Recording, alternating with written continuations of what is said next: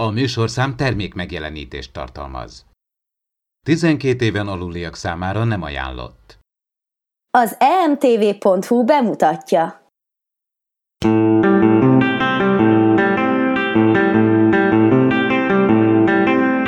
Impulzus Podcast. A fedélzeten Csaba, Attila és Dév.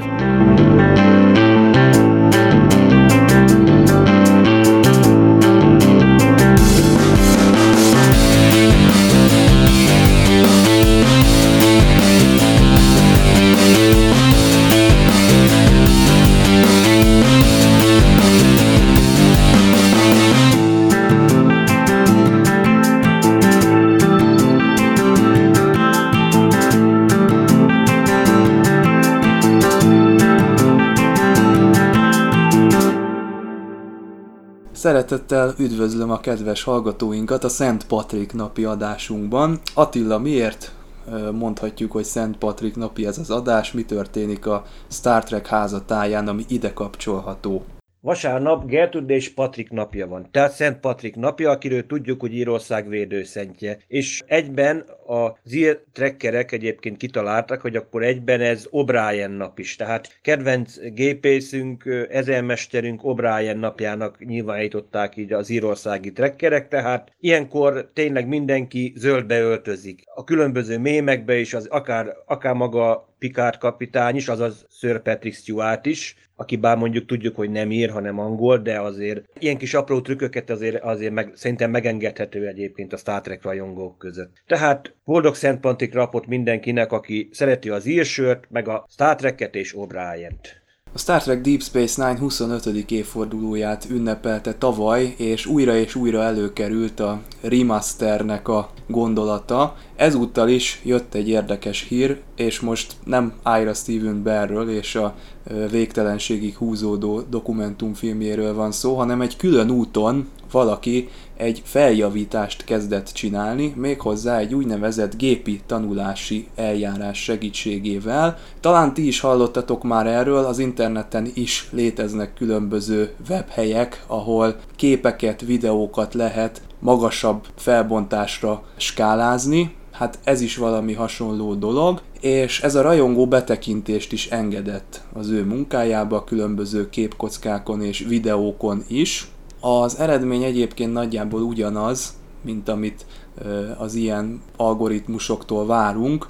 Vannak bizonyos jelenetek, amik nagyon-nagyon szépek, és tényleg olyan javulás érhető el, ami után csak keressük az állunkat, viszont vannak olyan helyzetek, amikor nem az igazi. Ez abból következik, hogy nyilván ő is a hagyományos SD verziót veszi alapul, és abból próbál egy, egy felskálázott verziót létrehozni, és ebben a verzióban bizony már e, nincsenek meg azok a kellő információk, amik a nagy felbontású verzióban, vagy mondjuk más filmek esetén az analóg alapanyagban benne tudnak lenni. Ettől függetlenül egy érdekes kísérlet, itt a fiatal ember elmondta, hogy ő nem tervezi, hogy teljes epizódokat így lerendereljen, vagy megcsináljon ezzel az eljárással, de nem azért, mert nem akarja, hanem ő azt mondta, hogy ennek természetesen jogi akadályai vannak, és ő nem rendelkezhet a Deep Space Nine sorozattal, és nem hajthat végre egy ilyen gyökeres módosítást. Minden esetre ez egy érdekes teszt. Bár természetesen nem lehet összehasonlítani azzal a megközelítéssel, amikor egy egész csapat hónapokig, évekig dolgozik azon, hogy beszkenneljék az eredeti alapanyagot, és ezt követően még utómunkával, különböző színjavítással, képkorrekcióval munkálják ki a végeredményt, mint amit az eredeti sorozatnál és a TNG-nél láthatunk. Emlékszem, pár évvel ezelőtt én láttam egy rajongói komputergrafikát, ami a harcos útja dupla epizód, amikor, a, mint tudjuk, a klingonok megtámadják a Deep Space Nine űrállomást. Abban lévő csata jeleneteket a tényleges állomás elleni támadás előtt az alkotó megcsinálta a saját ö, számítógépén, tényleg nagyon jó. Ahhoz képest tényleg egy saját technológiájával tényleg egy nagyon élvezetes pár percet tudott ő létrehozni. Megnéztem ezeket a mm, videókat, főleg az összehasonlítás volt nagyon érdekes, ahol ugye ilyen sztereóképben egymás mellett láttuk az eredeti meg a mm, feljavított változtot. Annak idén a TNG remasteringről is készültek hasonlók, hát ott mondjuk szembetlő volt az eredmény. A, ott ugye a negatívról szkennelték újra, digitalizálták újra az anyagot, ott nyilván volt miből. Tehát egy filmszalagról akár 8K felbontásba is még tűéles képet lehet csinálni. Azt hiszem ott ér véget az analóg 35 mm-es filmnek a határa. Tehát azt hiszem a régi mozifilmek is, hát ami 35 mm-ben készült, azt hiszem 4K-ig, 8K-ig még nyugodtan be lehet szkennelni, de onnantól már észre lehet venni, tehát a filmszemcsézettség, meg egyéb nyersanyag, tehát az analóg nyersanyag már nem képes, tehát nem végtelen az sem. Még ha azt is gondolnánk, hogy egy analóg fénykép vagy egy, egy filmszalag az végtelen felbontást tud biztosítani digitálisan. Na most a Deep Space Nine-nál egyébként én megnéztem, hogy elképesztő, de ott is 35 méteres negatívra dolgoztak, Eastman negatívre, Panavision kamerákkal, és most egy kicsit vakarom a fejemet, de aztán ott van is írva az IMDb-n is, hogy Sony Digi Beta kammal dolgoztak, ugye a beta kamerák meg kazetták ugye azok a televíziós meg a professzionális mágneses rögzítést jelentik. Nagyon sokáig így játszották is le a különböző tévéállomások is a sorosztokat, egészen amíg ugye nem került minden ugye merevelemezre. Hát akkor és, digitális maga az alapanyag is, tehát én azt olvastam a fiatalembernek is a beszámolójában, hogy ellentétben a eredeti sorozatos és a TNG-s alapanyagokkal. Itt azért nehéz a helyzet, mert teljesen más megközelítést igényel itt, a, itt maga a felújítás. Pontosan digitális béta, tehát 96-tól kezdték el, addig meg gyakorlatilag egy ilyen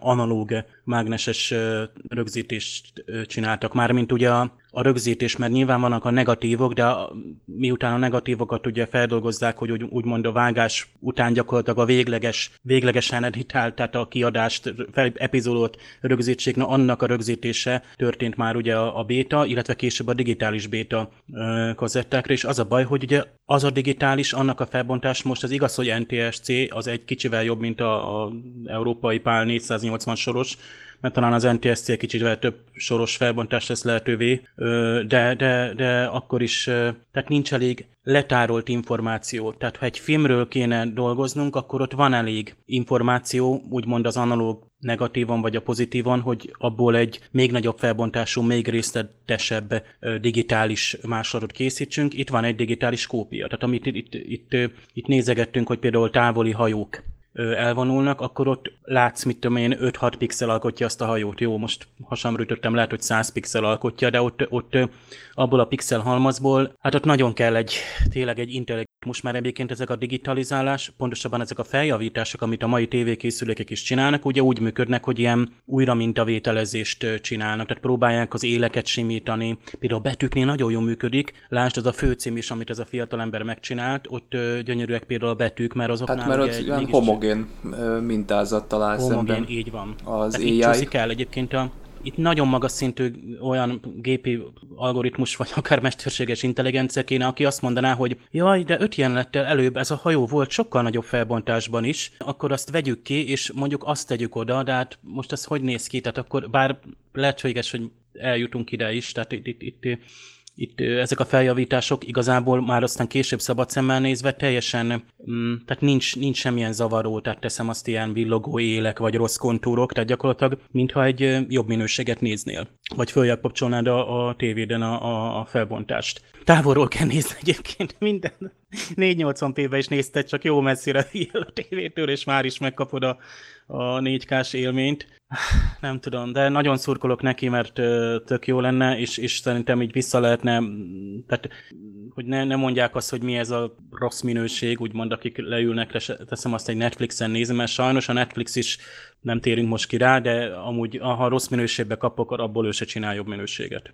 Hát ha lenne ilyen verzió, az előnyös lenne, mert jobb nézni ezt, mint a hagyományos SD-t, és ugye nem igényel olyan procedúrát, mint a remaster, a teljes felújítás egy stúdióban, ahol ugye újra kell vágni a jeleneteket, a zenét oda kell illeszteni, meg kell csinálni a, a CGI-jal készült körülményeket, minden. Itt meg egyszerűen ugye lefuttatja az ember ezt az algoritmust, és ugye valahol szebb lesz, valahol furcsább lesz, de ugye az összhatás az, az mégiscsak emészthetőbb.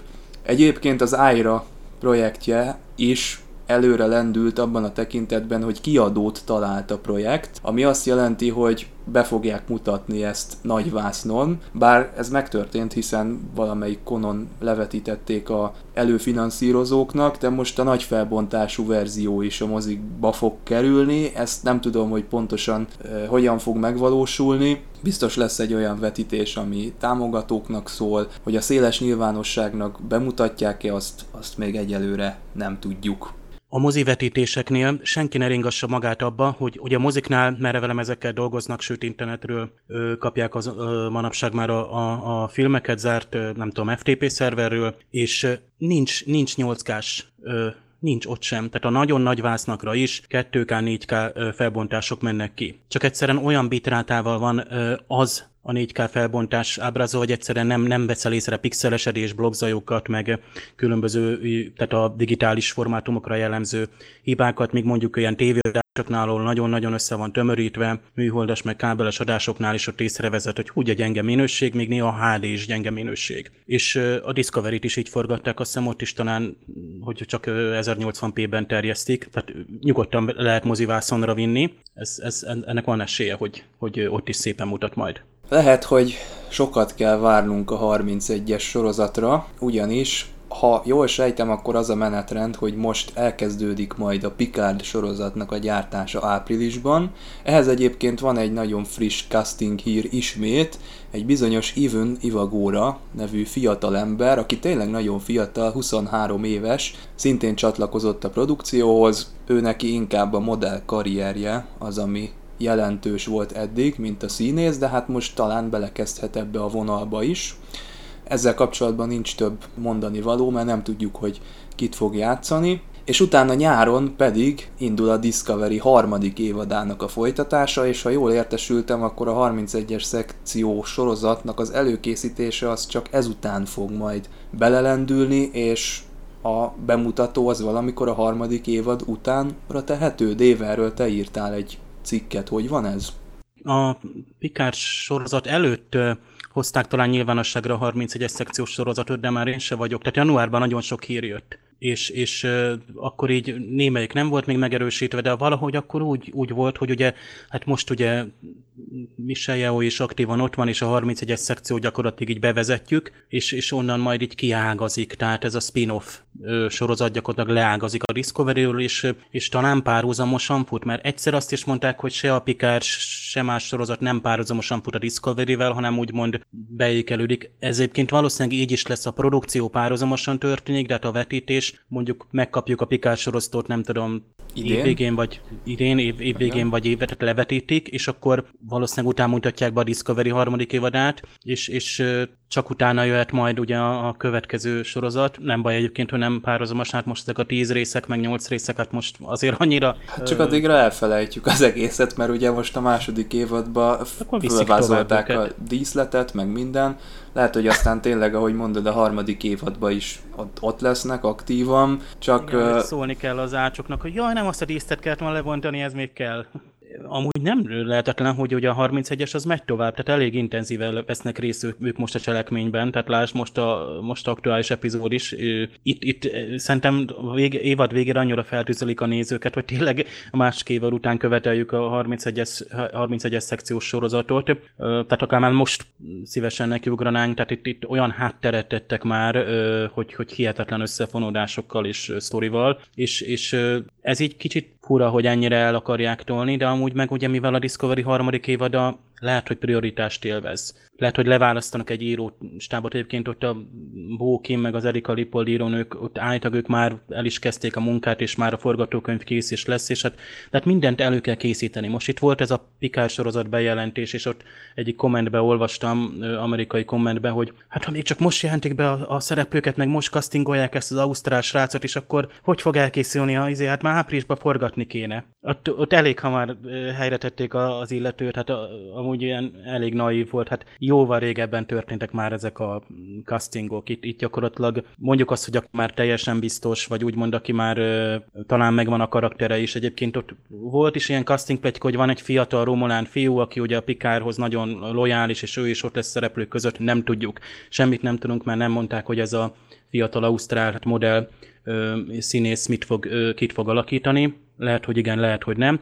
De biztos, hogy már sokkal jobban elő van készítve. A discovery is ugyanez volt, hogy már bőven meg volt építve a díszlet, mikor kaptunk tényleg olyan képeket, ami már kész felépített díszletekről szólt. Tehát ugye a produkció az mindig később vonul a nyilvánosság elé, de fenn kell tartani az érdeklődést, tehát itt, itt biztos, hogy nem egyszerre jelentik be, hanem itt szép sorban kapjuk majd a, a, a szereplőket is. De és marketingesek hát a... beosztották hétről hétre, hogy mit mikor fognak nyilvánosságra hozni. discovery is ugyanez volt, hogy ott vakartuk a fejünket, hogy most ez a szereplő kicsoda, milyen háttere lesz, aztán kiderült, hogy ő mégsem az lesz, mégsem a legelején szerepel, és ne, ne is beszéljünk ugye például a Shazad Latif és a Javid Iqbal és a IMDb is manipulációkról. Ezt remélem, amit nem fogják megtenni. Én egy sokkal, tehát azért itt egy komolyabb, tehát elevettől a sorozattól azért elvárjuk, hogy itt, itt nem ezekre a szenzációkra fog majd hajtani, de nyilván nagy lesz az érdeklődés. Találgatások láttak napvilágot az interneten az Orville-lel kapcsolatban. Nagyon zuhan a nézettsége a második évadnak, ennek következtében óhatatlanul az internet elkezdett arról beszélni, hogy vajon mi lesz a harmadik évaddal, vajon lesz-e harmadik évad. Én is elgondolkodtam ezen, hogy vajon miért lehet ez a ez a nézettségcsökkenés, és én több hazai sorozatos oldalon is körbenéztem, és meglepődve tapasztaltam azt, hogy bizony az emberek nem túlzottan elégedettek ennek az évadnak a nyitányával. Tehát amitre mi azt mondtuk, hogy nagyon jó ilyen magánéleti sztori, meg ilyen nyugodtabb megkezdése volt a szezonnak, arra mások azt mondták, hogy nekik ez túl unalmas, és már egy-két rész után abba hagyták a nézését, és egy csomóan írják ezt a fórumokon. A másik dolog, ami folyamatosan az én fejembe jár, hogy tévében mennyire nézik az emberek, mennyire tévéznek az emberek manapság. Főleg ugye az USA-ban kell gondolkodni, mert itt Magyarországon ugye nem megy, meg amikor majd szinkronja lesz, akkor sem tudom, hogy mennyien fogják ezt követni, de hogy vajon ez a fajta sugárzási forma, ez nem-e óhatatlanul a, a, a végét jelenti egy ilyen típusú produkciónak, ami azért gondoljunk bele, hogy mennyi erőforrást igényel. Ugye az Orville-nek a indulása előtt egy csomó cikket írtunk arról, hogy a Seth MacFarlane mennyi energiát tesz bele abba, hogy, hogy autentikus TNG élményt tegyen le az asztalra, és ezek a díszletek, ezek az egyenruhák, ezek a csillaghajók, ezek mind a végletekig kilettek csiszolva, és nem tudom, hogy fenntartható-e egy ilyen környezetben, egy ilyen tévés környezetben egy ilyen sorozat. Miközben biztos vagyok benne, hogy, hogy csilliók töltik le az internetről, és ez, ez a sorozat ez bőven fenntartható lenne a közönsége által, csak egyszerűen nem talál oda az, ő rendes közönségéhez, emiatt a tévés töketlenkedés meg bénázás miatt. Hát láttunk számtalan ilyen példát a történelemben, feleleveníthetjük itt a Firefly-t vagy a Stargate Universe-t. Én itt is egy kicsit ezt veszem észre, de nem akarom milyen negatív hangnemben lezárni ezt az egészet, ez csak egy plegyka egyelőre. Reméljük, hogy azért pozitívabbra fordul a helyzet, és, és folytatni fogják ezt a sorozatot.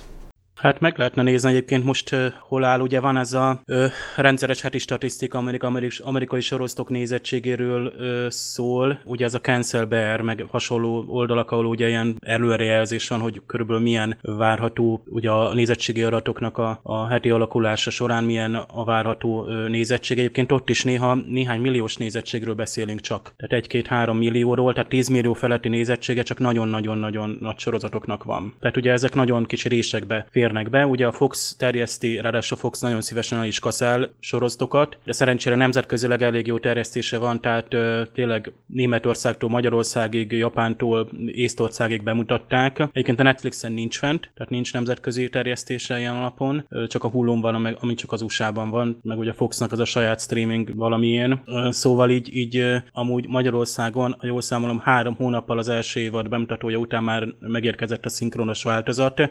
Hát ilyen alapon Nagyjából, ha most azt számoljuk, hogy decemberhez számolunk három hónapot, akkor elvileg március végén akár már jöhetne is a szinkronizált változat, tehát türelem szerintem fog érkezni.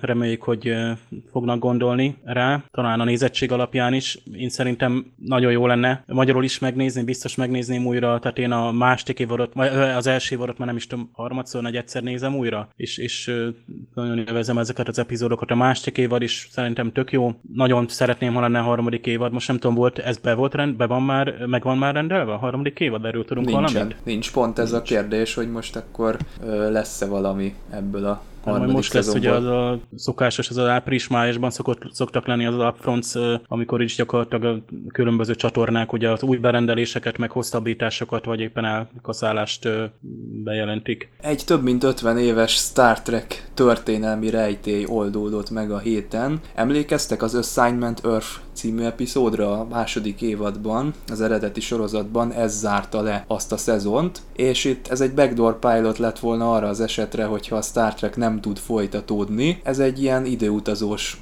sorozatnak lett volna a bevezetése, és itt volt Gary Seven, neki pedig volt egy macskája, aki megjelent néha emberi alakban is, és láttuk ezt a fiatal hölgyet, de nem tudtuk, hogy ki az, tehát nem lehetett tudni, hogy ki az a színésznő, aki megjeleníti. Ő ugyan nem szólalt meg, de egy hatalmas nagy lyuk volt a történelemben. Itt sokáig azt hitték, hogy egy bizonyos Victoria Vetri játsza ezt a szerepet. Ezt nem tudom, hogy mi alapján, lehet, hogy így külső alapján hozták össze, de még a Memory Alfán is az ő neve szerepelt. Aztán valahogy ez a színésznő és egykori Playboy hölgy megcáfolta 2018 körül, hogy, hogy ez ő lett volna, és most Larry Nemecek és a The Track Files nevű csapat ismét akcióba lendült, és beleásták magukat a, a produkciónak a különböző ilyen irataiba és hozzá kapcsolódó dokumentumaiba, és itt elővettek egy ilyen ilyen beugrókról, extrákról, ami hát magyarul úgy fordítható talán, hogy tényleg beugrók és statisztákról szóló ilyen adatlapokat, és ott kiderült, hogy egy bizonyos April Tatró lett behívva erre a szerepre, és valóban fölkeresték ezt a színésznőt, és ő elmondta, hogy tényleg ő játszotta ezt a szerepet, és amin már nem is lepődünk meg, hogy arról is beszámolt a Nemecseknek a podcastjében, hogy bizony William Shatner őt is elhívta vacsorázni. Az emtv.hu és az űrszekerek kapcsolatfelvétel napja programsorozatának együttműködő partnere az RTL Spike és a Direct Dub Synchron Studio. A helyszínt a Volt 51 Gamer Bar Octogon és a Pólus mozi biztosítja. Ünneped velünk a vulkániak 44 év múlva 2063. április 5-én esedékes érkezését a kapcsolatfelvétel napján. Április 5-én pénteken 15 és 21 óra között ismét űrszekerek közösség találkozó a Volt 51 Gamer Barban, a 6. kerület Ó utca 51-ben, ahol a Star Trek sorozatok magyar hangjaival, tudományos és fantasztikus kerekasztallal, kvízzel, tombolával, tortával, cosplay versennyel és az űrszekerek közösségi flotta első küldetésével várunk. A műsorvezető Szóra Családi Erika és Tuvok magyar hangja Hol Nándor. A belépés ingyenes. Másnap, április 6-án szombaton 17.30 és 22 óra között pedig jön a ráadás. Nem is akármilyen, ugyanis megrendezzük az első űrszekerek mozibulit a Pólus Center moziban, a 15. kerület Szent Mihály út 131-ben, ahol a Star Trek kapcsolatfelvétel című mozi vetítésével, annak verkfilmjével, valamint a magyar hangokkal, tombolával és az első saját gyártású dokumentumfilmünk bemutatójával várunk. Bővebb információért és belépőváltásért a mozibulira látogass el el a kapcsolatfelvétel napja.emtv.hu weboldalra. Együttműködő partnerünk az emtv.hu, az űrszekerek, az RTL Spike és a Direct Dub Synchron Studio. A helyszínt a Volt 51 Gamer Bar Octagon és a Pólus mozi biztosítja. Figyelem! A műsorban spoilerek bukkanhatnak fel.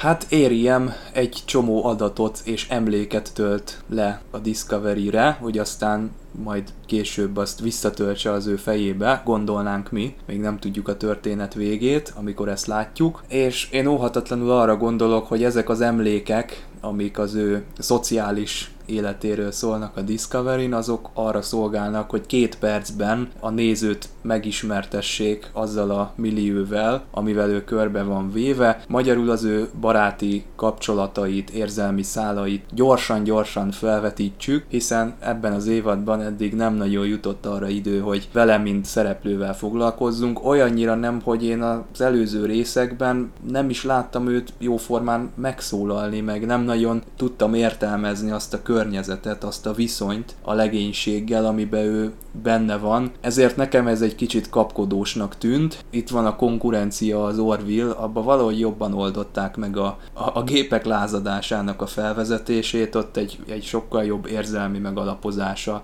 volt ennek a dolognak. Ennek ellenére azt mondom, hogy még így is hatásos volt a, a végső jelenet, Kicsit olyan volt ez, mint egy mozifilm, tekintsünk rá úgy, oké, okay, hogy a Discovery egy, egy 13-14 mozifilmből álló sorozat, és néha csak így férnek bele a, a történetmesélésben a dolgok, hogy az elején gyorsan megindokoljuk az érzelmi szálakat, és akkor a végén meg learatjuk a katarzist. Nyilván nem annyira hatásos, mint hogyha ezt, ezt ténylegesen, tisztességesen fel lenne építve, de, de azért az igyekezet az értékelhető. Egyébként Jonathan Frakes visszatért, szerepelt másodszorra ebben az évadban, és harmadszorra a Discovery-ben. Nekem nagyon tetszett, ahogy kezdődik a Discovery csillaghajó. Most egy hosszabb snittet kapott a az űrbéli jelenet, amikor jön egy komp és szépen beszáll a csillaghajónak a hátuljába, ez nekem megteremtette a kellő alaphangulatot, aztán pillanatok alatt lerombolta az, amikor egy e,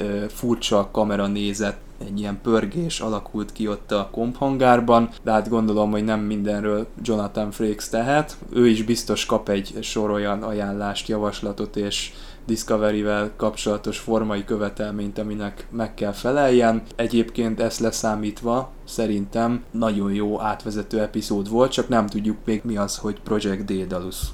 Erre én sem tudtam rájönni, hogy mi a, ebben a Project Daedalus, mert nekem egyből hirtelen a Project Pegasusra ö, asszociáltam. Egyébként a Frakes is itt igen, van akkor. Frakes, Frakes, hát na hát alapból emiatt, hogy megláttam, hogy ő a rendező. Eirémnál itt tényleg itt látjuk, hogy itt folyamatosan itt töltöget le, de viszont a saját emlékeit is látjuk, mert például a, amikor ugyebár visszanéz itt egy ilyen egyfajta ilyen nyaralási emléket, az az ő saját emlékei egy havai nyaralásról egyébként. Még mielőtt ilyen kiborg, vagy nem tudom pontosan, hogy megfogalma, meghatározni, hogy ő most pontosan mit. Ő azt mondta, hogy ő egy feljavított, de szerinted egyébként de de az a baleset de... miatt lett ilyen robot? Mert erre én utalnak, én is val... nem mondják Igen, ki. én is csak a utalások látok, hogy valamilyen baleset történt, és ez, valami, ez szerintem lehet az utolsó, úgy van azt mondom, az utolsó közös nyaralás azzal az úri emberrel. Nem tudom eldönteni, hogy mivel, hogy benne van ez a vírus, mert nem tudom másnak mondani, ami végül is átveszi rajta a hatalmat, tehát itt ezzel is, miközben ő itt keresgél, meg előveszi a régi emlékeit, azért látjuk, hogy, hogy ott közösen leülnek azért az ebédlőbe, ott Tillivel, meg a többiekkel ott úgymond együtt ilyen csajos témákat ott kibeszélnek, vagy amikor Risszel mondjuk éppen edzést tart, vagy megy el jobbra-balra, hogy most lehet, hogy egyfajta ilyen tudatalatti harcot folytat a vírussal is. Hát mondjuk erről, erről a vírusról nekem mindig az jut eszembe, hogy a Skynet a Terminator 3-ban, amikor arról volt szó, hogy egy vírus támadja az internetet, és a Skynet lenne a megfelelő. Közben kiderül, hogy valójában az is ugyanúgy a Skynet lényegében csak egy jövőbeli fejlett változat, hogy tulajdonképpen az próbálja egy ilyen időhurokba megoldani, hogy tényleg ő kiteljesedjen. Lehet egyébként itt is Airiamnak a, az a vírus lényegében nem csak egy szabotáló vírus, hanem tényleg maga az ellenségnek valamilyen fontos része, mert, nem, mert még nem tudjuk még mi ez az ellenség. A nyitó jelenetnél nekem én egy kicsit meglepődtem hirtelen, mert eh, ahogy látjuk az űrkompal, űrkomp érkezik, hát eh, látjuk azért egy kicsit eh, egy újrafestést azért megérdemelne ez a űrkomp, és látjuk, hogy az, az űrhajó maga itt le van kapcsolva minden. Hirtelen én az egyik epizódra asszociáltam, amikor tudjuk, hogy a ezer év múlva az űrhajót itt megtalálja valaki, hát vagyis az űrhajóra bukkal rá az a men- mentőkomp, hogy hirtelen mondom, mondom, most mi lesz, mondom, most megtudjuk, hogy miért van elhagyva az űrhajó, vagy, és akkor így visszafele fogjuk nézni az időbe, hogy mit, mi történt.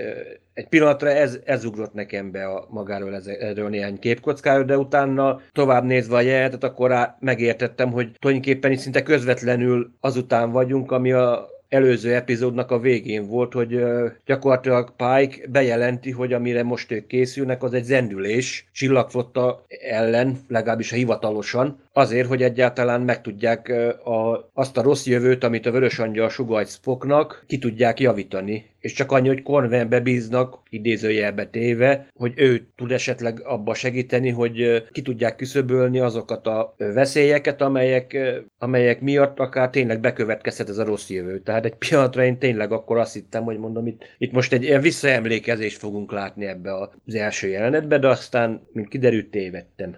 Nagyon jó volt az a nyitás, mert hát megint képbe helyezte a nézőt, hogy valahol a, ugye a Discovery elbújva, és akkor egy, egy űrkomp is abban kiérkezik. De ki érkezhet ebben az űrkompban? Tehát megint eljátszhatjuk azt, hogy ugyan ki fog kilépni a komból, vagy éppen a transporterből, most, most ugye a, a és őt most végre azért nagyon jó helyre tették a karakter. Tehát itt, itt szerintem így, így végre leveszik ezt róla, hogy most akkor ő a 31-esek összekötője, meg ő, ő tesz, ráteszik a rozzantéseket, tehát itt pont, hogy ő most lojális Pikehoz, hisz ugye a, a Spocknak, ugye ráadásul ne felejtjük, hogy ő orvos, és ugye pszichológus, és megvizsgálja ugye Spockot ugye ebben a különös fogorvosi székben, és ott kiderül ugye, hát gyakorlatilag egy klasszikus hazugságvizsgálatról van szó, jövőbeli eszközökkel, ugye kiderül itt, itt Spocknak az ártatlansága, ismét csak bebizonyosodik, hogy gyakorlatilag, sőt ugye később meg kiderül, hogy az a felvétel is manipulálva volt, de minden az, hogy Spock nem csak hogy hiszi, hogy igaz, amit mond, hanem hogy tényleg az igazat is mond, mondja, és ha ugye a pszichiátriáról való elmenekülés, bár ugye Spock úgy fogalmaz, hogy ugye hát ő önként vonult be, akkor igazából önként el is mehet. Na mindestre az ön, onnan való távozása ugye erőszakmentes volt, ugye itt a vulkáni bénítőfogást is elmagyarázza, akkor valószínűleg a másik dologban is úgymond az igazságot írja le, tehát az át, a Vörös Angyal által közvetített képek, azok is az, az, az, igaz, az igazat jelentik, éppen ezért tényleg egy komoly veszélyről van szó. Aztán itt végig a körül forog, hogy miért pont a Spockot választotta ki a, a, a Vörös Angyal, és nem is tudom, ott az Stamets mondja talán neki, hogy tehát ott a gépházban van Spock, és ugye próbál dolgozni, és akkor ott a, ugye Stamets is ugye már nagyon zavarja, hogy ott Spock meg a Burnham ott beszélgetnek, és azt hiszem ott a Stamets mondja neki, hogy azért, tehát végül is nem véletlenül választotta ki a, a, az angyal őt, tehát igazából a Spock erre keresi a választ a Burnhammel. Van nekik is egy nagyon jó beszélgetésük. Hát az Airiam az, az, az gyönyörű jelentek voltak, és bőven elég volt, hogy fölvázolják így utólag, hogy ő neki milyen jó kapcsolata épült a legénységgel. Tehát ezek a Kariszkot játék, meg ott az edzés, tehát itt, itt egy rövid rövid, az a egyenlet elég volt, hogy akkor megtudjuk, hogy ő egy ember, emberi nő volt, azt hiszem most ő házasságra készült, és ott, ott arról volt szó. Attila,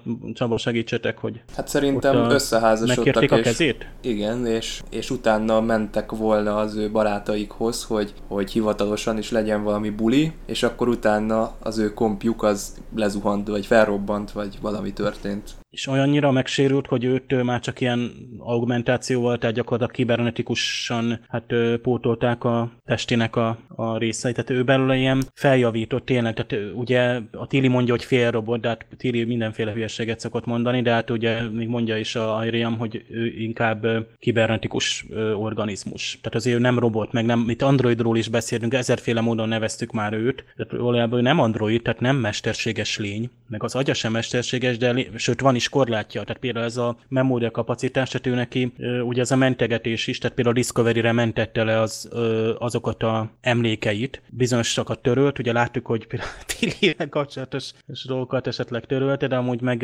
lementette, tehát nagyon szép volt ott, bőrnem rámosolyog, és akkor azt lementi. És ha, ha most ő egy mesterséges lény lenne, akkor ez egy olyan nagyfokú fejlődés lenne, hogy gyakorlatilag az érzelmi világát építi ki. De még egyszer mondjuk, hogy nem mesterséges, egy emberi nőről van szó, akinek tehát gépként látjuk, és ezek a klasszikus Star Trek, nem is tudom, ráhúzzuk ezt a köntöst, hogy a, ő az a Data, vagy a, az Isaac, ugye az Orville-ban, hogy, hogy hú, de micsoda nagyszerű, hogy egy mesterséges lény érzelmeket kezd fejleszteni, de ne felejtsük el, az Airém az egy élő, lélegző, bocsánat. De akkor ő egy, ő egy, egy robotzsarú effektus van, tehát ő lehet, hogy nem akarta ezt a, ezt a létet. Géptestbe zárt lélek. Géptestbe géptestbe. És pont ezt használták ki, ezzel éltek vissza, ugye, vagy ezzel élt vissza kontroll, hiszen az ő neki a, a, egyrészt az ő most az agyi kapacitása, ezek szerint tényleg tehát úgymond mesterséges, most nem tudom, akkor tényleg a agyát hát nem tudom, pótolták, de akkor ezek szerint maradtak emléket. Tehát nagyon nehéz őt összalakni, hogy ő micsoda vagy kicsoda valójában, de lényeg az, hogy meg tudták hackelni, és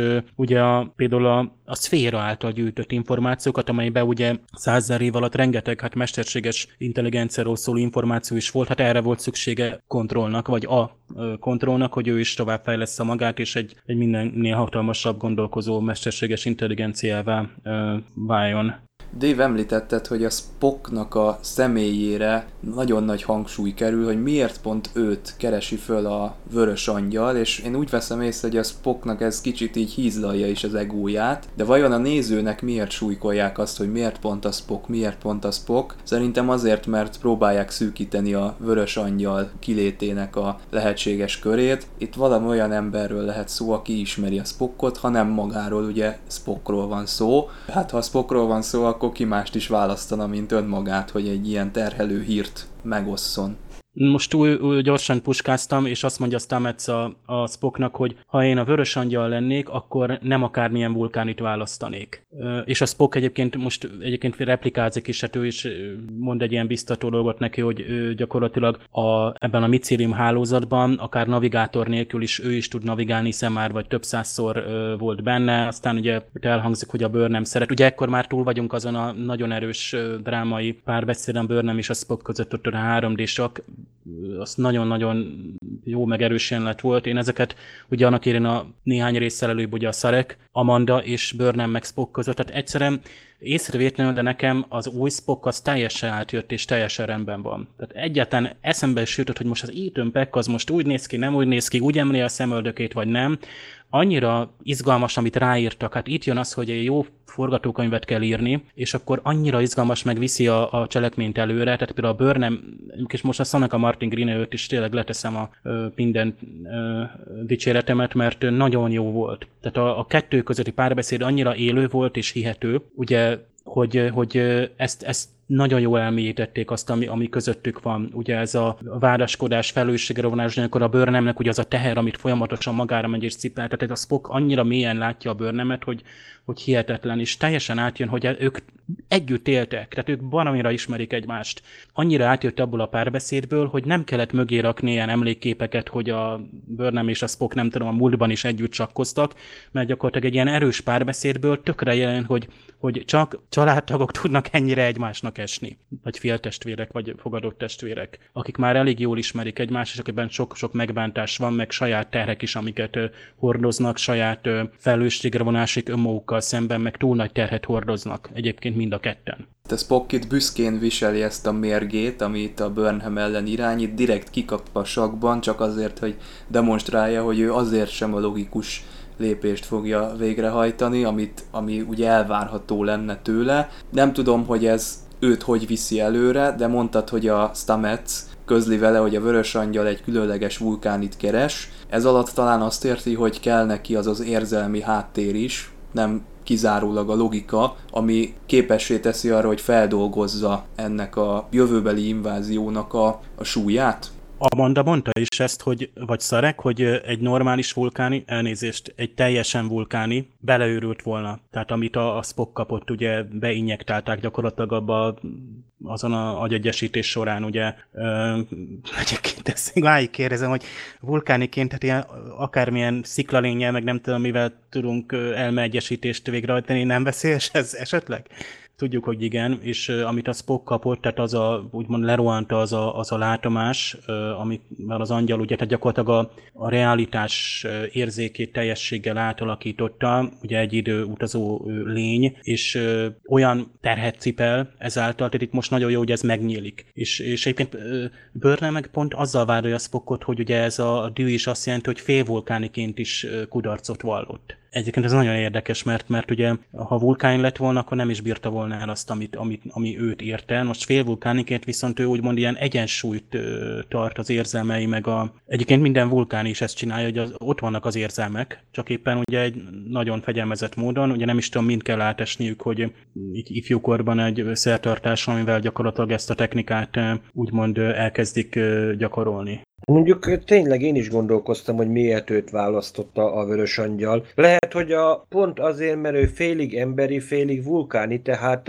egy olyan aggyal rendelkezik, ami ebbe a korszakba, ami azt mondhatjuk a jövő szempontjából kritikus, és láthatjuk, hogy azért kett, legalább két ember szükséges ahhoz, hogy egyáltalán ne semmisüljön meg a úgymond a Föld, vagy akár az egész alfa kvadráns. Az egyik az, mint láthatjuk azért Burnham és Spock. Tehát, és ráadásul Spock az egyetlen, akinek ő át tudja adni elvileg a tudását arról a rossz jövőről, amit ő birtokol. Tehát nem biztos, hogy mondjuk maga Spock lenne, vagy pedig egy olyan ember, akit eddig nem láttunk. Én mondjuk hirtelen, ha azt mondanám, ha őrültséget akarnak feltételezni, azt mondanám, hogy esetleg akár, akár maga Pike is lehetne mondjuk ilyen valamilyen szuperruhába, mondjuk akár a taloszi civilizációnak egy-két trükkjét, egy-két régi relikviájával eszkábálva magát, mert azért látjuk, hogy a, mindig lebeg a maga a vörös angyal, tehát nem látjuk azt, hogy most állna vagy járna. Tehát bármi lehetséges, és Spocknak az agya, hogy félig vulkáni, félig emberi, tehát a logika és az érzelem között ingadozik, tehát emiatt az információk befogadására alkalmas, bár azért tudjuk, hogy a talosziak azt mondták, hogy a gyógyításához a logikát kell megtörni, meg hogy ki tudják hozni a memóriát, hogy helyre billentsék, mert a, a vulkáni logika egyszerűen az időutazással még mindig száz év után se tud normálisan megbírkózni, mert eleve szerintem ez a fajta gát, hogy a,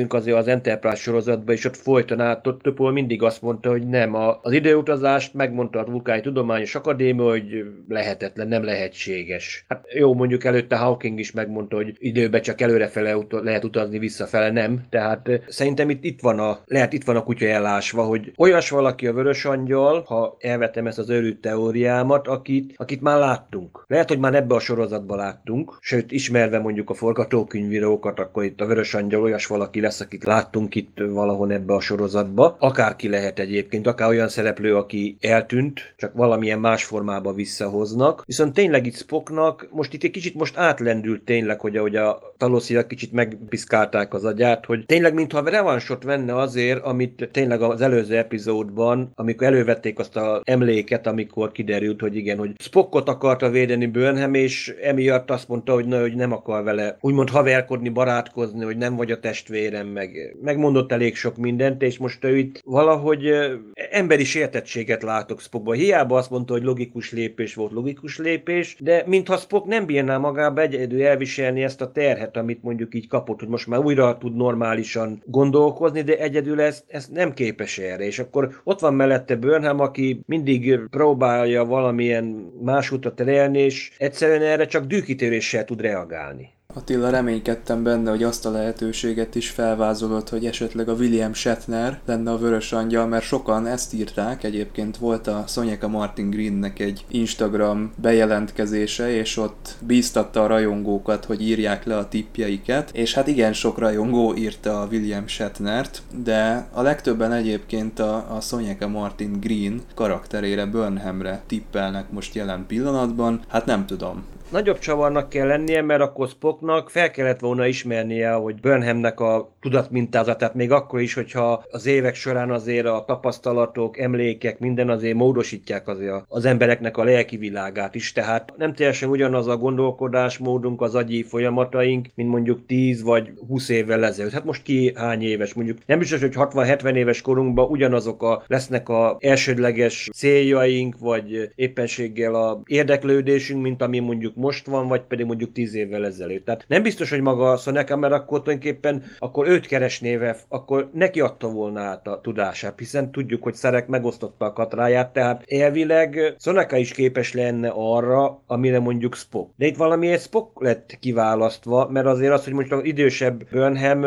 megossza fiatalkori Burnhammel, hogy az sokkal, akkor az logikusabb lett volna, akkor tulajdonképpen szinte hasonló gondolkodásuk van, tehát elég, hogyha megossza vele a jövőt, akkor ki tud, vissza tudná sakkozni, hogy mit kell tennem ahhoz, ha ismerem a kulcspontokat ebbe a jövőben, amit ki kell kerülnöm, vagy amit meg kell akadályoznom. És úgy tűnik, hogy itt Spock és maga Burnham is mind a ketten fontosak ahhoz a létezésük, a tényleges létezésük, ahhoz, hogy egyáltalán az idővonalat el tudják terelni ettől a rossz jövőtől. Hát most, hogy az, hogy Shatner legyen, ahhoz megint kellene egy, egy színész, aki mondjuk hasonlít William Shatnerre, és akkor azt mondja, hogy az ifjú ifjúkori kör, kicsit mondjuk beőszítve, kicsit megöregítve. Azért lássuk be, azért William Shatner most abba a páncélba nem nagyon félne bele.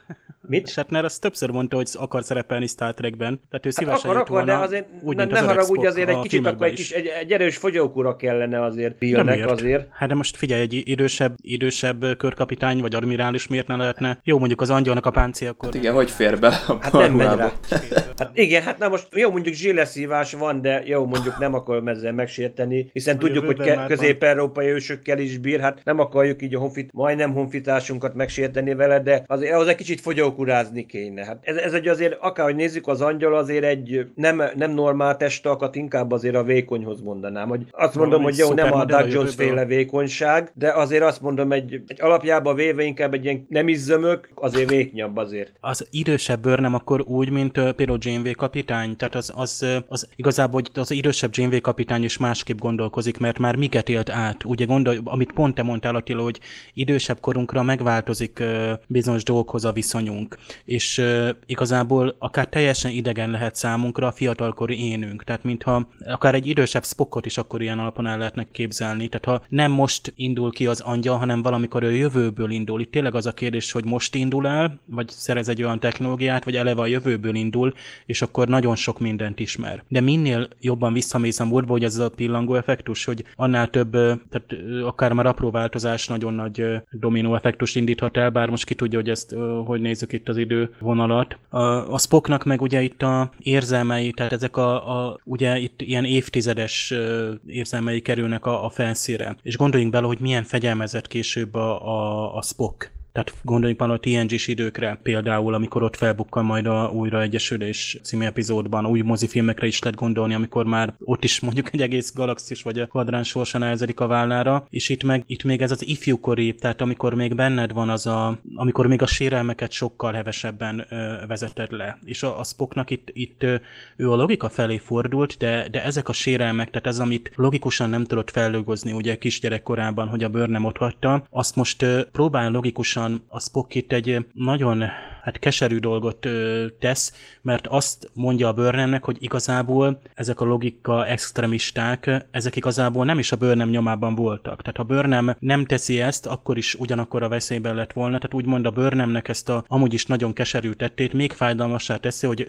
úgy szóval azt mondja, hogy ez fölösleges volt. Tehát a, a Burnham felé, hogy ami gyerekkorában tett, az az elválás, vagy az a megbántás, hogy távol tartsa magát és ezzel védje meg Spockot, az igazából fölösleges volt, mert ö, nem jelentett ö, igazából ebből a, ebből a szempontból semmi veszélyt. Sőt, Burnhamet vádolja aztán, hogy a Klingon háborút is elkezdte a szülei, és hogy még a szupernovát akarta megnézni, ugye a, a gyerek Burnham, és akkor amiatt maradtak ott a szülők, vagy maradtak, és akkor azért volt az a, a támadás. Hát ez, ez a dű mondatja vele, tehát ő is úgy visszavág, olyan, mintha meg akarná bántani. Ezek nagyon erős, amikor valakit meg akarunk bántani, ezek legerősebb érzelem, mert, mert azzal gyakorlatilag ö, rombolunk. Tehát itt, itt, itt rendkívül ö, intenzív Spock, ö, és ezt a, a színész is nagyon jól adja át. Ez, ez nagyon jó volt ez a jelenet.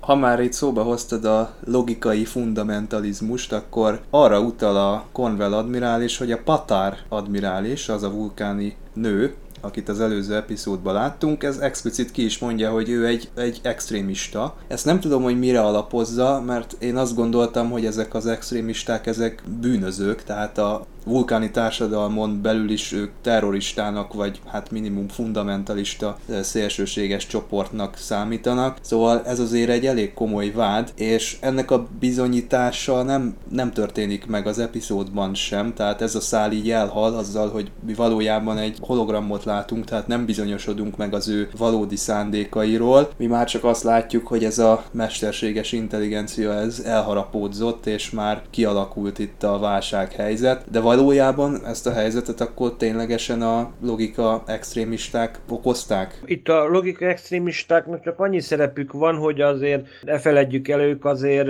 úgymond nem nagyon örülnek annak, hogy a vulkán immár száz éve a föderáció része, azért ők úgymond még mindig a régi nagy szabadságot próbálják propagálni, és az, hogy mondjuk van egy fok, aki mondjuk tudjuk, hogy félig vulkáni, félig emberi, ez nekik ez olyasmi, mint hogyha egy fajárulás követett volna el Szarek, tehát amíg, amíg Spock létezik számukra, ez, ő egy, mondjuk ki egy föltelem az ő nézőpontjukból, tehát nem lehet tudni, hogy mire lehetnek képesek. De nem biztos, hogy mindenki mondjuk terrorista közülük. Azért ennek is azért vannak fajtái, mert vannak azok, akik úgymond irányítanak, egy, ha egy ilyen akármilyen fanatikus mozgalmat nézünk, azért van egy vezér, aki kiadja a, úgymond az ideológiát, vannak, akik mondjuk értelmezik a, az ő a mester szavait, és akkor vannak a tényleges, azt mondom, tényleges fanatikusok, akik, akik tényleg terrorista módszereket alkalmaznak, és vannak azok, akik mondjuk szimpatizálnak ezzel a fajta tanokkal. Lehet, hogy itt a, a, az admirális inkább csak szimpatizáló, hogy azt mondja, hogy azért a vulkáni utat azért ne adjuk fel a, úgymond ez a nagy föderációba, minden, mindenki egyforma, egyenlő, meg egyformán értékes. Tehát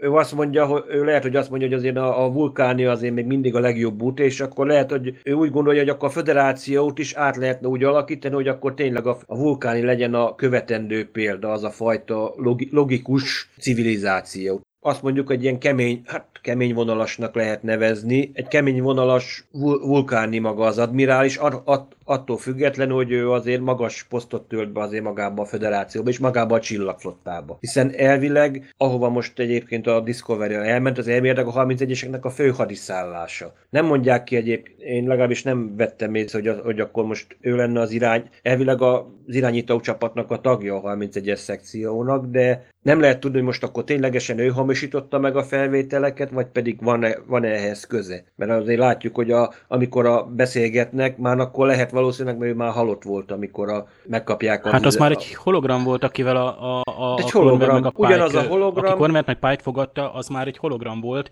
Hát ugye ezért vannak egyébként, hát igazából pont erről veszik észre, hogy a, azt a beszélgetést a szarú ugye elemzi, hogy amikor a Pike ö, ott felháborodott, hogy hát maga egy föderációs admirális, egy föderációs csillaghajót hogy támadhatnak meg. Egyébként ott magyarázza persze a Patár, hogy a, ho, ho, hát a, ugye ott maguk szökött foglyokat, meg ugye zendülőket, meg nem tudom, gyilkosokat szállítanak, akkor igazából a szarú később elemzi, hogy már azon a hőképen sem volt semmi ugye elváltozás, ahogy a Spock verekedésén se.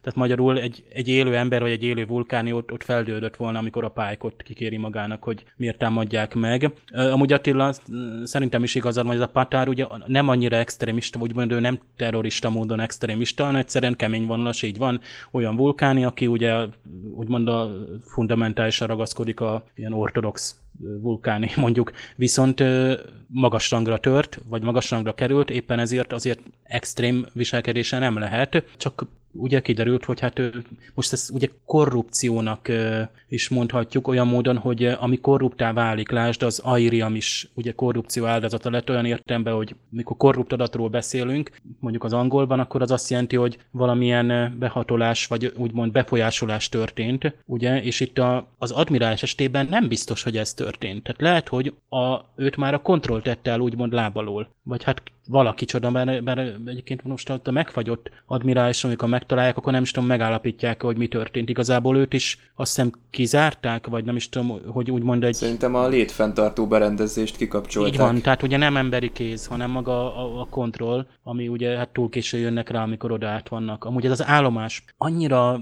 jól nézett ki, nem tudom mennyit fektettek ezekbe a disztekbe, tehát olyan hangulata volt, hogy ezek a lepusztult ilyen rozsdás felepek plusz hó. Már csak az Alien, Alien vártuk nekem ilyen Unreal Tournament játéknak a pályái jutottak eszembe, ahol ugye ez így kombinálják a, Vagy a kaptári például. időjárást. És tök jó volt, nem, nem kellett itt sokat megépíteni, de tök jó áthoztak egy hangulatot. Tehát nyilván látjuk majd, hogy a költségvetés azért eloszlik, hogy azért elején volt azért nagyobb, de nyilván nincs mindenre pénz, de meg lehet a CGI például tök szép volt az elején, amikor ugye távolról mutatják a hajót, és tényleg ott a bolygó, és, és elhiszed, most is itt is nem kell sok ezeket az aknákat. Ugye itt megint kiderül, hogy milyen aknákról van itt szó, ezek, amik ugye, mert ugye a pajzsokat hát ugye le kell fajta kapcsolni. Van, mert én úgy láttam, hogy vannak ilyen, ilyen körfűrész aknák, amik így Igen. a burkolatot támadják meg, meg vannak azok, akik a pajzsokra tapadnak rá, és így felrobbannak. El, a tudása sem volt elég.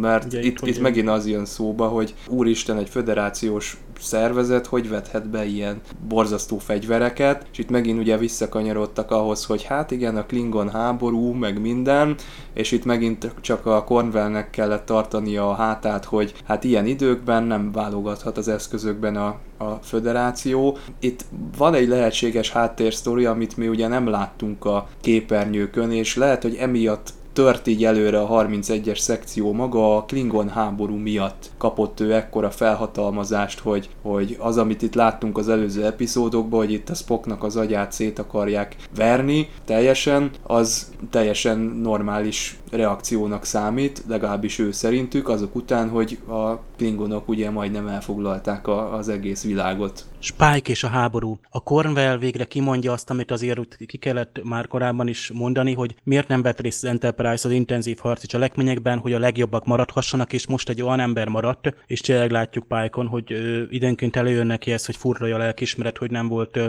ö, csatában, de, de egy olyan ember maradt, akinek az erkölcsi ö, érzéke is, meg a tett erőssége is ö, a helyén van. Tehát a Pike akkor látjuk egy dinamikus, agilis, mindenkor ö, jellemes ember, és, és nyilvánvaló, hogyha ő elesett volna egy csatában, akkor esetleg olyanok kerülnek, hogy mondjam, akik vagy gyengébbek, ugye, és nem tudnak olyan erőteljesen cselekedni, vagy ilyen húzást megtenni, mint a, el, előző epizódban Pike azt mondja, jó, mostantól zendülők vagyunk, mert egy nagyobb dolog érdekében kell cselekednünk.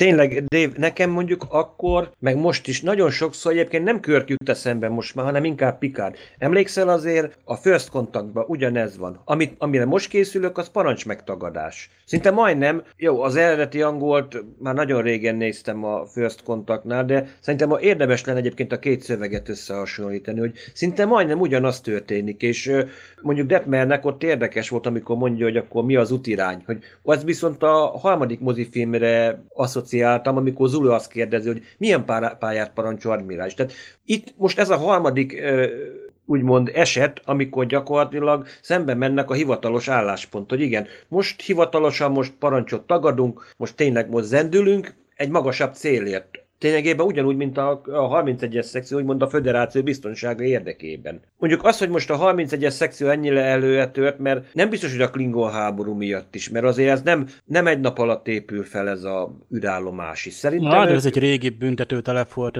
Nem is értem, Aha. hogyha most a 31-eseknek ilyen technológia van, akkor miért ilyen lepukkant helyen um, De az, hogy ennyire, ennyire le van pukkan engem, ez, ez bosszant, hogy akkor ez, ez nem, nem egy, egy vagy két napja semmisítette meg a kontroll. Nekem mondjuk először, amikor én láttam az introját a, ennek az epizódnak, akkor megláttam ezt a űrállomást. A Voyager-ből emlékszel az agytrösznek a űrállomások. Hát igen, tehát én is hogy képzeltem Nekem a kontroll, is, hogy ez egy meglátjuk a a facegate. Hatalmas teremben van egy ilyen teremnyi számítógép, vagy nem tudom, hogy nézhet ki. Egyébként remélem, hogy hogy látjuk majd. Azért én azt azért reménykedtem, hogy itt látjuk majd magát a kontrollt. Jó, most látunk egy gépet, vagy nem tudom mit. Egyébként itt még mindig az van, hogy a, a kontrollnak, tehát ennek a mesterséges intelligenciának, amelyik fel akarja fejleszteni magát, ugye itt, itt mondtad a skynet tehát ilyenkor van a legveszélyesebb fázis, amikor egy, egy gép gyakorlatilag saját maga kezd el tanulni, és, és több lenni és ugye az alkotója fölé kerekedik.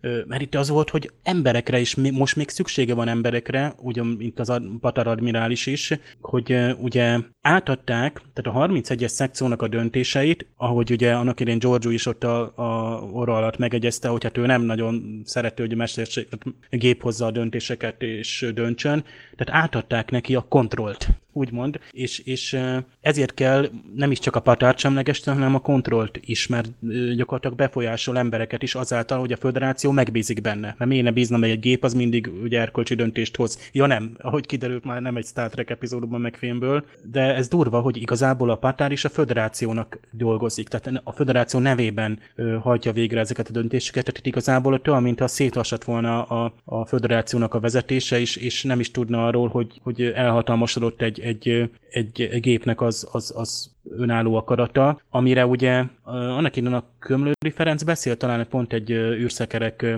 közösség találkozón, hogy mekkora esély van arra, hogy egy mesterséges intelligencia az a fejlődése első, tehát ilyen öntudati pontján azt mondja, hogy a legelső az, hogy kiírtam a, a, az élőlényeket, vagy akik megalkottak. Hatékonyság, Dév, hatékonyság. Előbb-utóbb egy mesterséges intelligencia eljut odáig, hogy úgy gondolja... Hát, tudom, fölkapaszkodik, hogy... utána meg már nem kell. Lesz. Igen, igen, mert azt mondja, hogy ő sokkal hatékonyabb, sokkal okosabb. Tronfilmre is emlékszel, amikor uh, ott volt a fővezélő program, tudod, Dillinger, hogy mondta, hogy ő sokkal jobban el tudná irányítani, két, 2100-szor hatékonyabban tudná irányítani az embereket, vagy valami, hogy a bolygót, hogy ott is uh, ugyanez van. És mondom, itt éppen ez, ez a Skynet uh, hasonlított eszembe a harmadik részből, hogy tulajdonképpen a kontroll, amit, ami miatt morgott tényleg Giorgio is, hogy azt mondja, hogy itt most egy számító, egy mesterséges intelligencia számolja ki nekünk, hogy mit kell csinálnunk, amikor azt mondja a császárnőként én adtam a parancsokat az emin a mesterséges intelligenciának, és nem fordítva. Tehát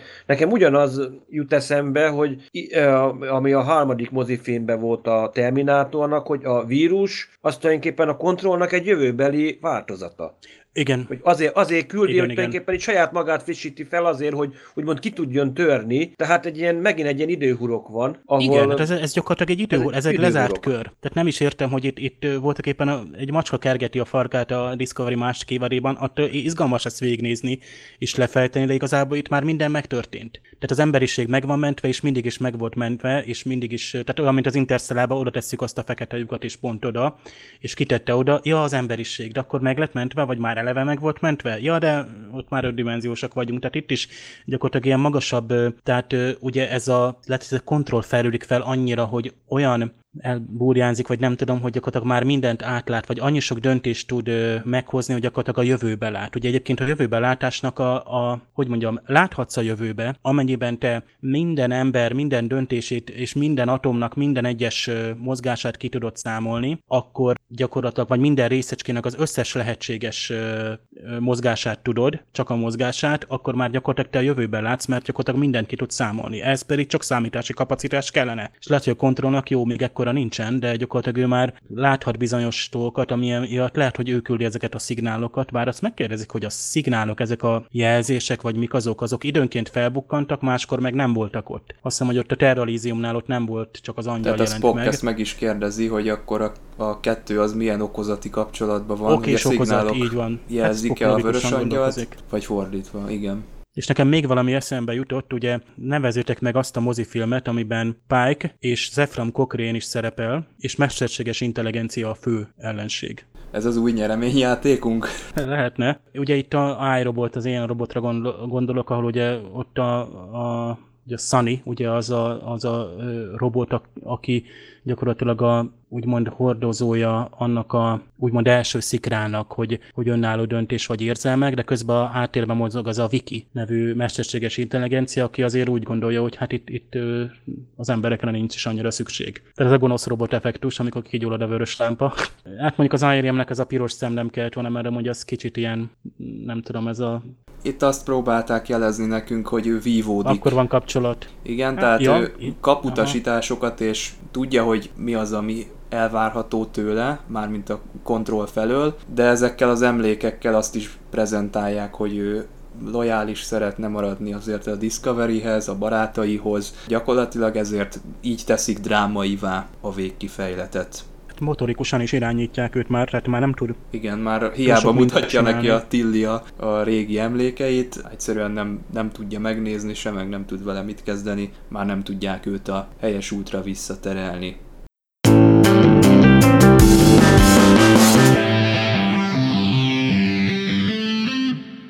Emberek és gépek, logika és érzelmek, ez a kettősség dominálta ezt az epizódot. Dédalus újabb utalása görög mitológiára, ebből már kerekednek majd úgy gondolom konteók a jövő hétig. Egy tiszta történetvezetés van itt, mióta ugye megjött a Spock, egy csomó dolog lezárult, és most egy csomó dolog is nyílik. Én egy dologban reménykedek még a jövőt illetően, hogy az Enterprise bukkanjon föl, hiszen nem gondolnám, hogy például az egyest azt azért promózták olyan sokáig, egy nem is olyan kicsi színésznővel, hogy arra a pár másodpercre vagy percre lássuk csak, ami itt az évad elején történt. Szóval én még bízok benne, hogy valahogy egy közös bevetés az, az ki fog alakulni itt a jövőben. Egyébként nagyon várom azt, hogy mi lesz ennek a Project Daedalusnak a vége. Szerintem nem csak Jonathan Frakes érdeme, hanem, hanem magának a története is, hogy tényleg most nagyon jól szórakoztam ezen az epizódon, hiszen nekem, ami különösen emlékezetes volt benne, az tulajdonképpen Irimnek úgymond a búcsú, a búcsúdala, ahogy uh, tényleg ott a zsilip próbál ja, legalább annyi időre felülkerekedni ezen a vezélőprogramon, a kontrollon, hogy megszüntesse azt a veszélyt, amit ő jelent, hogy tényleg Burnham mindenképpen meg akarta volna menteni, és akkor mondják neki, hogy igen, zsilipet nyissuk ki, nyissuk ki, nyissuk ki, mert, mert tudták, hogy másképpen nem lehet őt megfékezni, és ő tényleg elkészült arra az emberi énje, ami még megmaradt. Nem tudjuk pontosan, hogy most az agyát most implantátumokkal mennyire van felturbózva, de valószínűleg elég sokkal, látva a jelenetet, meg a számos ilyen az ő szemszökéből látott eseményeket, hogy tényleg itt az utolsó pillanatig küzdött, küzdött azért, hogy akkor mégis ne, ne, ne okozzon még több bajt. És lassan, hát mondjuk így most már egy kicsit hiányolni fogom, mert tényleg most ez volt az első olyan epizód, ahol tényleg elég sokat láthattuk, hogy azért láttuk, hogy nem csak, hogy ott van, néha-néha hallottunk egy ilyen zör, furcsa olyan zizegő hangjút, miközben ott a végtagjait mozgatja, hanem tényleg itt egy gépi külső mögött tényleg egy eleven érző lény van, aki, aki próbál a sorsa ellen küzdeni, úgyhogy itt nem csak Dédalosz, hanem mert ugye Dédaloszra tudjuk, hogy ő volt az, aki hogy megépített valamit, és utána elpusztul, hogy így én akár egy um, Sisyphus is eszembe jutna, hogy tényleg itt szinte hiába való egy ilyen, szinte egy önfeláldozás látunk benne ebbe az epizódba. Hát, úgyhogy Irem szerepe, ez nekem nagyon tetszett most. Tényleg, mire megkérvelünk egy szereplőt, akkor kinyírják. Hát ez a, ez a sommás véleményem, ha egy mondatba kéne összefoglalnom az egészet. És az előző évadban még más játszott, ott Sara Mitic volt a színésznő, aki játszotta, aki átment egy ilyen civil szerepre, pontosabban ő most egy tisztnő, a Sara Mitic, és a, ugye a Hannah Cheeseman volt itt most az Aeria, most már ezekben a részekben, és egy gyönyörű, szép, hát szívfájdító volt, utolsó pillanat, ugye a főcím is megváltozott a zene, tehát átment ez a, ez a tengerparti kép, ment át a főcímbe, tehát tényleg ez egy szívszorító szép befejezés volt. Itt e, e, említettük Jonathan Frakes rendezését, és még Michel Paradise-t kell megemlíteni, aki az írója volt ennek az epizódnak. Nem is tudom, hogy az első, vagy már a másik epizód, amit ő írt, vagy majd még az utána következő, de ugye tudjuk, hogy a Discovery harmadik évadában, tehát ő majd gyakorlatilag Alex Kurtzman, gyakorlatilag ő társ producerként fog majd tehát elég nagy szerepet kapni. Reméljük, hogy írni is fog, mert én szerintem ez, ez, ez az nagyon jó lenne. Még itt ugye Burnhamről, de Burnham nagyon tetszett nekem ebben a részben, nagyon jó helyeken volt most ott, és nem csak Spockkal, hanem ugye Airiammal kapcsolatban is. Elég volt ez a pár momentum, amivel itt kiemelték, hogy a, a, azért, tehát a, hogyan építette föl akár az Airiam vagy a Burnham a kapcsolatát ebben az évadban, mert ugye a kamerák mögött, meg a néző tudta nélkül is ugye alakultak ezek a kapcsolatok. Nem voltunk 24 órában ilyen a Discovery-n, és most már nem mondhatjuk azt, hogy egy ilyen ismeretlen legénység van a hídon, tehát kevés momentummal, de folyamatosan jelzik, tehát ezekből a tekintetükből, ö, ezekből az apró mozzanatokból látjuk, hogy milyen jól működik a legénység, egyébként Pike alatt is. Pike egyébként többször is mondja az én hajóm, ami, ami egyébként bizonyos szempontból Pike csak úgy ott maradt a discovery de nem baj. A Burnham, Ugye a Pike már parancsba adja neki, hogy nyissa ki a zsilipet. Ugye itt a Iriam is ezt, ezt mondja, hogy nincs, nincs erre más lehetőség. Azt hiszem 25%-át már elvitte kontroll azoknak az adatoknak, amit ugye a, az Airian birtokolt, többek között ugye a, a szférából, és a, az a, a Burnham végig gyakorlatilag megint a maga vállára vesz mindent. Tehát az egész világnak a sorsát itt is még meg akarja menteni az utolsó pillanatban, ha bár már megkapja a parancsot, és, és na most itt van a bőrnemnek ez a dacossága, amit szoktunk mondani, hogy a világ minden kincsért, tehát ő mindenképpen a saját feje után megy. Tehát ezért volt a vulkáni Hello is, hogy ő úgy gondolta, hogy az igen, az, az működhet. És bizonyos szempontból lehet, hogy működhet, csak egy csillaghajó nem teljesen így működik. Tehát amikor a, a Pike kapitány azt parancsolja neki, hogy nyissa ki azt a zsilipet. Nyilván, hogy Pike is vérző szívvel, de ezt, ezt meg kellett parancsolnia és itt a Burnham még a maga vállára veszi azt, hogy ő még az utolsó pillanatban akciózik, pedig lehet, hogy 12 tiszt már kiszámolt, hogy itt képtelenség, és nem lehet ezt a helyzetet megoldani. Szóval ilyen esetben kell a csillagflottának, ilyen esetben kell csillagflotta tisztként uh, működni. És a Burnhamnek nem volt ultimatív megoldása, ő úgymond ott próbált, meg az érzelmeitől, hát nyilván, hogy teljesen letaglózza, próbált valami végső ilyen Bruce Willis megoldást nyújtani, ami nem sikerült, és a Niam nyitja ki a, a zsilipet és ha ő nem nyitja ki, akkor ugye tudjuk, hogy, hogy, hogy mi lett volna. És akkor egyébként az Adrian még mondja neki, hogy minden miattad van, minden te miattad vagy, te érted? És keresd meg a Dédalus projektet. Hát ez elég, elég ö, nagy terhet helyez a bőrönnek a vállára, mert ezek szerint megint minden körülötte forog, sőt ő, ő, ő, belőle indul ki, vagy ő felé indul. Nagyon kíváncsiak vagyunk, hiszen a következő rész az a Vörös Angyal című epizód lesz. Ne felejtjétek, hogy még mindig játszhattok velünk, március 24 éjfélig küldjétek el arra a választ, hogy kik voltak a Főnixen, akik átlépték a térsebességet, ki az a három ember, ugye a Kapcsolatfelvétel című filmben. Cserébe nyerhettek egy páros belépőt a kapcsolatfelvétel napja után tartott mozibulira, tehát játszatok velünk, érdemes. Erre a hétre köszönjük szépen a figyelmet, a Vörös Angyal kitárgyalásával vissza fogunk térni a jövő héten. Sziasztok! Sziasztok! Sziasztok!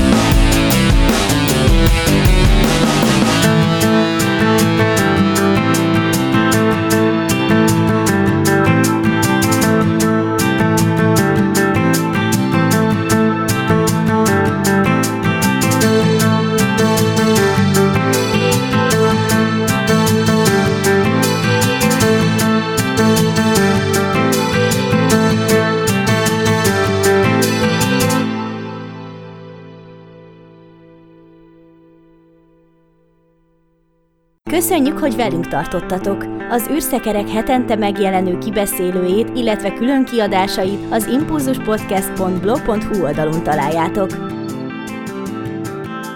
Az emtv.hu megbízásából készítette az Impulzus Produkció. Produkciós vezető Farkas Csaba.